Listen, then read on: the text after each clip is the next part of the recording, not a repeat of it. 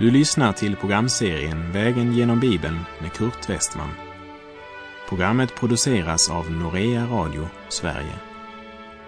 Vi befinner oss nu i Daniels bok.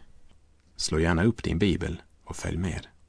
Ja, nu har vi kommit till det femte kapitlet i Daniels bok. Temat här det är Belsassars enorma festmåltid där Gud med sitt finger skriver på festsalens vägg. Babels vise, de klarar inte att tyda texten på väggen, så kommer Daniel och tyder handskriften och förkunnar Babels fall. Det har gått rätt så lång tid sedan fjärde kapitlet som vi vandrade genom i förra programmet. Här i kapitel 5 så möter vi ännu ett litet brottstycke ur Babels historia. Och vi ska ha klart för oss att det har hänt mycket sedan kapitel 4.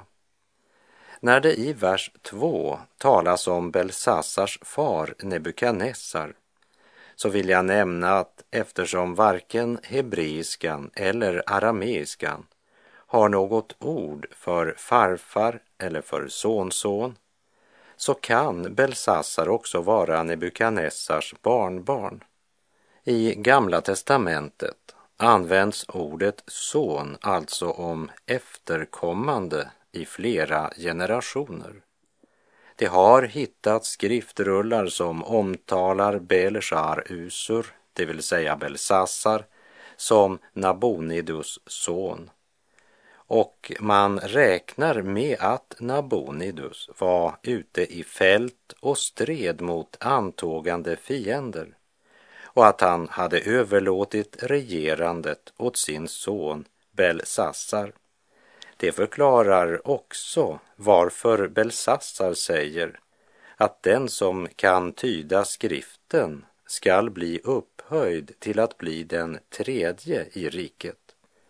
Det vill säga Nabonidus var den förste, hans son Belsassar den andre och den som kunde tyda skriften skulle bli den tredje.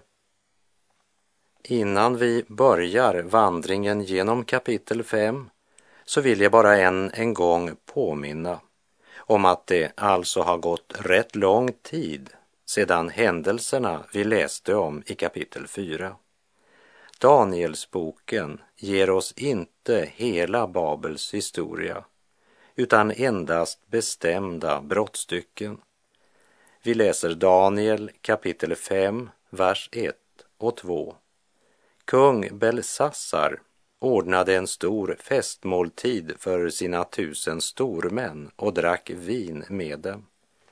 När Belsassar var påverkad av vinet befallde han att man skulle bära in det kärl av guld och silver som hans far Nebukadnessar hade tagit ur templet i Jerusalem.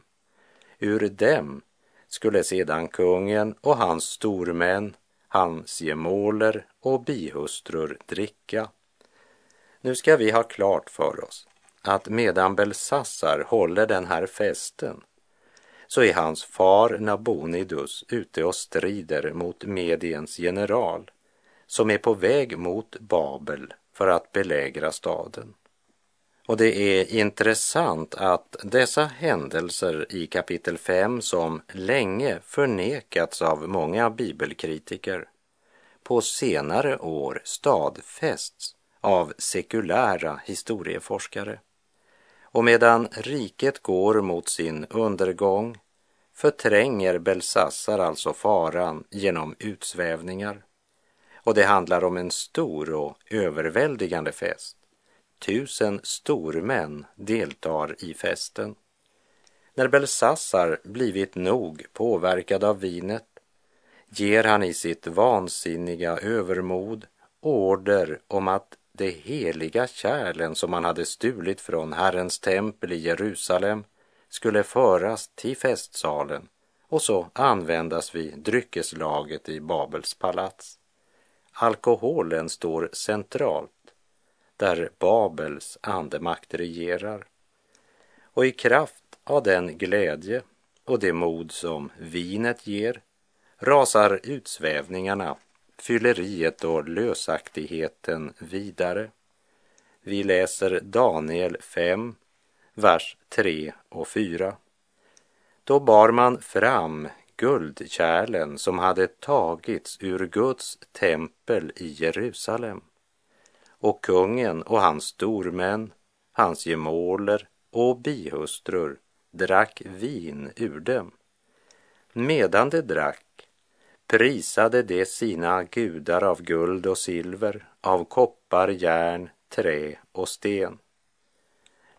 Lösaktigheten, fylleriet och den världsliga glädjen ges nu plötsligt en religiös inramning genom att gästerna dricker vinet ur det kärl som helgats för Herren och som hade stulits som krigsbyte från Jerusalems tempel. Och när orättfärdighet och världslighet överflödar, då upplöses riket inifrån och drabbas av Guds vrede. Petrus skriver i Petrus första brev kapitel 4, verserna 3 till och med 5. Det är nog med att ni förr levde på hedningarnas vis, i utsvävningar och begär, i fylleri och supkalas, i vilda fester och förbjudna avgudakulter. Därför är det förvånade och hånar er när ni inte längre tillsammans med dem störtar er ned i samma ström av utsvävningar. Men det skall stå till svars inför honom som är redo att döma levande och döda. Bedövad av vinet så hade Belsassar inte en tanke på att han skulle stå till svars för det han nedlåter sig att göra när han på det mest brutala sätt hånar kärlen från Herrens tempel i Jerusalem. Det står att medan de drack prisade de sina gudar av guld och silver, av koppar, järn, trä och sten. När man i Babels palats skålade i de heliga kärlen från Herrens tempel, ja, då uppfattades det som en triumf för Babylons gudar, som med detta ansågs starkare än Israels Gud. Lägg märke till guld, silver, koppar, järn, trä och sten. Det vill säga sex olika sorters gudar. Talet sex symboliserar den babyloniska andemakt som står i strid mot Gud. Religionen hade stor plats i Babel men religionsutövandet, det var anpassat efter köttet och styrd av människans egna tankar, förenat med tillfredsställelsen av sina egna lustar och begär. Belsassar, han blundar helt för faran av fienden som angriper Babel utifrån. Och under inflytande av alkoholen så gör han något som varken Nebukadnessar eller hans far Nabonidus skulle ha gjort.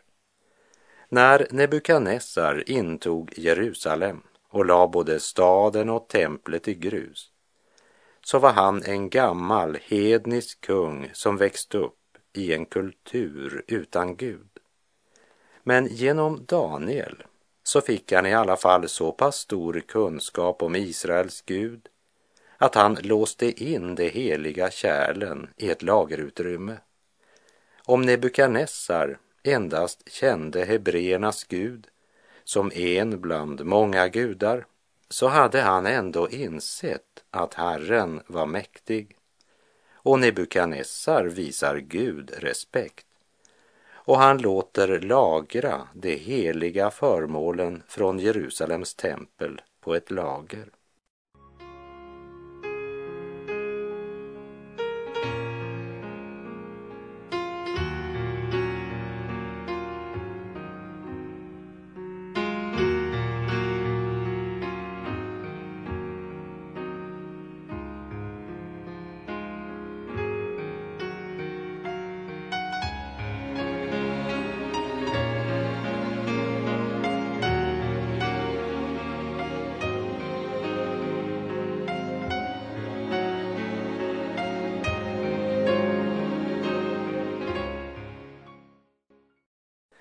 Nebukadnessar låter alltså ställa undan de heliga föremålen ifrån Herrens tempel. Och så länge Nebukadnessar levde tror jag att det lagret var förbjudet område. Men nu var Nebukadnessar död. Nabonidus var bortrest ute i fält och den unge Belsassar hade kungatiteln och makten. Han blev stor i egna ögon. Får han dessutom nog mycket vin är han redo att imponera både Babylons stormän och alla sina gemåler och bihustrur. Musiken dundrar, skratten ekar, medan gudstjänstföremålen från Jerusalems tempel skändas. Men triumfens ögonblick blev kort.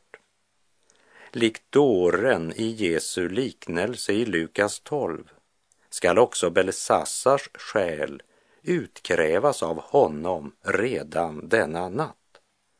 Och när de som bäst lyfter de heliga kärlen och prisar Babels gudar visar sig Guds finger. Vi läser i Daniel kapitel 5, vers 5. I samma stund visade sig fingrar som av en människohand som skrev på den vitkalkade väggen mitt emot ljusstaken i kungens palats och kungen såg handen som skrev. Gud gör ett direkt ingripande. Gud talar nu inte genom en dröm eller genom en syn. Den unge Belsassar hade nog hört om kung Nebukadnessars drömmar och dess tydning. Men vad brydde han sig väl om vad gamla män hade drömt? Makten, utsvävningarna, lustans tillfredsställelse och alkoholens berusande makt, det var livet det. Och under alkoholens inflytande hånar han både Gud och hans folk och vanhelgar det föremål som hade helgats för Herren. Gud hade försökt nå honom genom det han hade fått höra om Nebukadnessar, Daniels visdom att tyda drömmar och hans vänner som Gud hade bevarat genom den brinnande ugnen. Men nu är kallelsetiden slut. Nu talar inte Gud för att kalla till omvändelse. Nu har ögonblicket för Guds rättfärdiga dom kommit.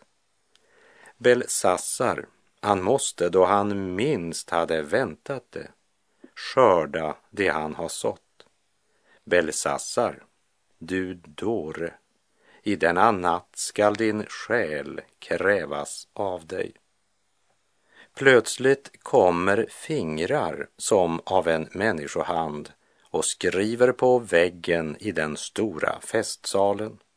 Och kungen såg handen som skriver, står det. Hånleendet bleknade. Belsassar tystnade. Kungen blir blek och panikslagen och så knäsvag att benen vek sig. För en liten stund sedan så hade han svårt att stå därför att han var starkt påverkad av vinen. Och även om han nyktrar till på ett ögonblick så är han så skräckslagen att benen vek sig, står det i vers 6. Och när benen inte bär så ropar han med hög röst. Och vem är det han ropar på nu i sin stora nöd? Är det Daniel? Nej, är det Daniels Gud? Nej. Babels barn, de söker sin tröst i allt det som Babel kan erbjuda. Vi läser Daniel kapitel 5 och vers 7. Och kungen ropade med hög röst och befallde att man skulle hämta besvärjarna, kaldéerna och stjärntydarna. Och kungen sade till de vise i Babel, den som kan läsa denna skrift och ge mig dess uttydning, Han skall bli klädd i purpur och guldkedjan skall hängas om hans hals och han skall i makt vara den tredje i riket. Det är otroligt vad människan är beredd att erbjuda när hon ska försöka hjälpa sig själv med de medel och förutsättningar hon har. Här kan man snacka om bra timlön. Kan du trösta en vettskrämd kung passerar du hela den stora raden av konkurrenter och går rakt till topps med en gång, den tredje i riket. Den verklige kungen var ju Nabonidus. Belsassar var egentligen bara nummer två efter kungen. Men i Nabonidus frånvaro är Belsassar kung och han erbjuder tredje platsen till den som kan läsa skriften och säga vad den betyder. Den lönen skulle väl fresta de flesta av Babels visa män att försöka sin lycka. Du kan lita på att de ansträngde sig.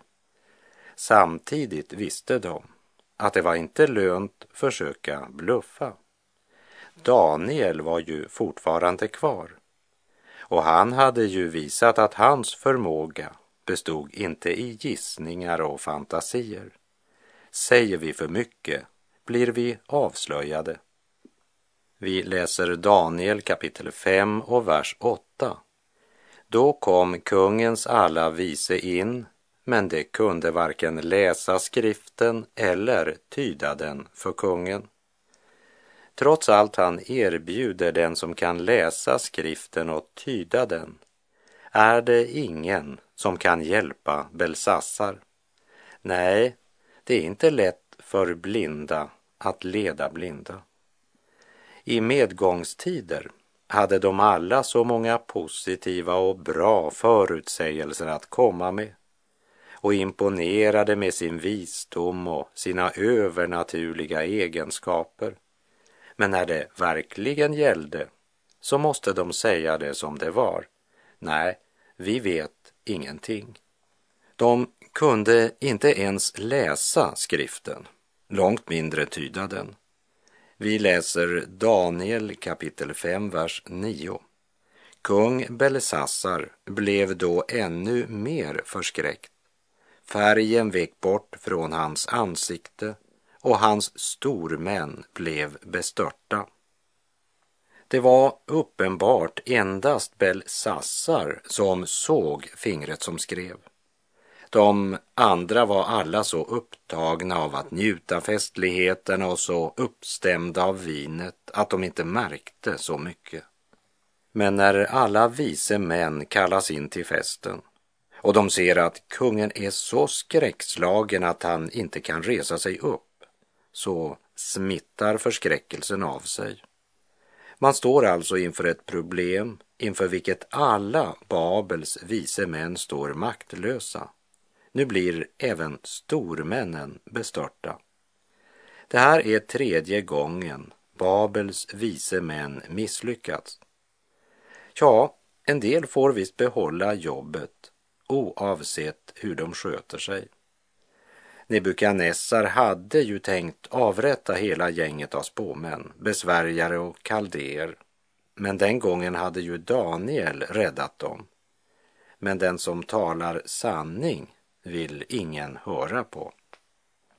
När förvirringen är som störst så kommer Belsassars mor in i festsalen. Den festsal som av Gud förvandlats till rättslokal. Och den gamla damen kände till vad som hade hänt medan Nebukadnessar levde. Inte minst händelsen med den brinnande ugnen och hur Gud senare hade ödmjukat Nebukadnessar för att återupprätta honom när han insåg att Herren Gud är den som insätter och avsätter vem han vill.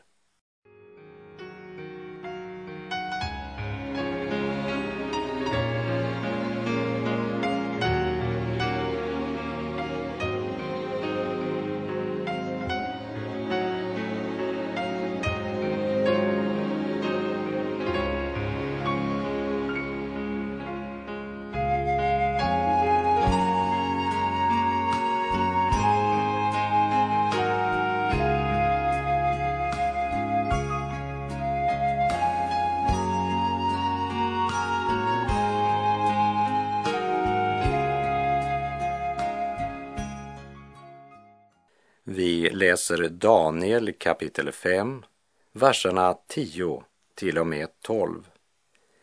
Men när kungens mor fick höra vad kungen och hans stormän hade sagt begav hon sig till salen för festmåltiden. Där tog hon till orda och sade Må konungen leva för evigt. Låt inte dina tankar förskräcka dig och låt inte färgen vika bort från ditt ansikte. I ditt rike finns en man i vilken heliga gudars ande är. I din fars tid visade han sig ha insikt och förstånd och vishet lik gudars vishet. Din far, kung Nebukadnessar, satte honom främst bland spåmännen, besvärjarna, kaldéerna och stjärntydarna. Detta gjorde din far kungen eftersom Daniel, som kungen gav namnet Beltesassar, hade en enastående ande, klokhet, förstånd och skicklighet att uttyda drömmar och lösa gåtor och reda ut invecklade ting. Sänd därför efter Daniel, han kommer att ge uttydningen. Far kan, som jag tidigare redan nämnde, referera både till far och farfar eller farfars far.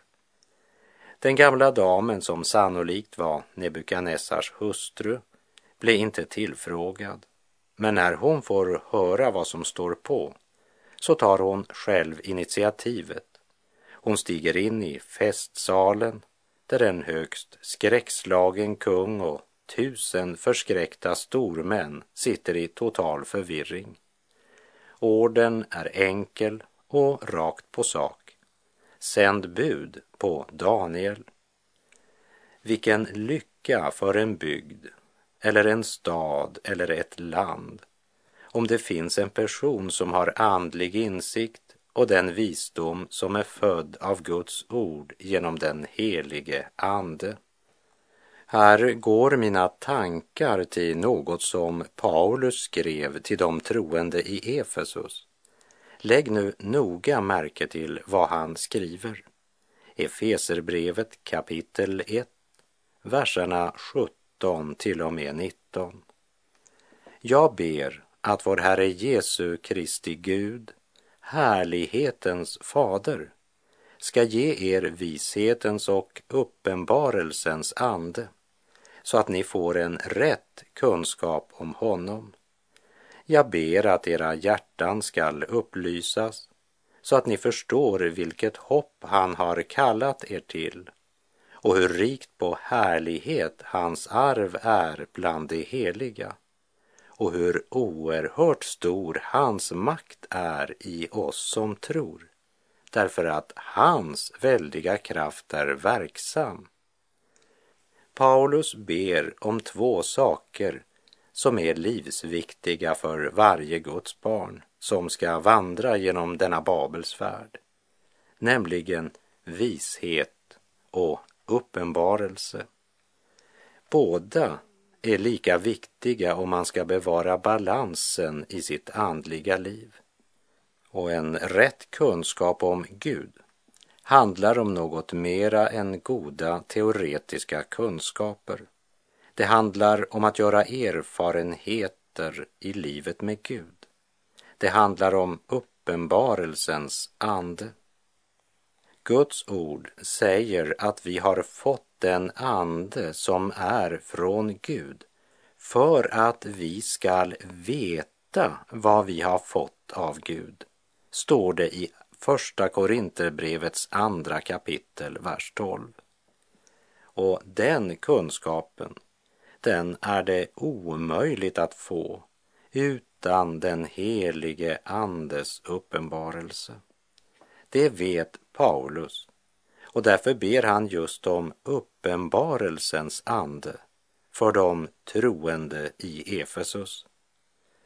Det betyder inte att han ber att dessa troende ska få Guds ande, för det hade de redan fått genom tron som ett sigill.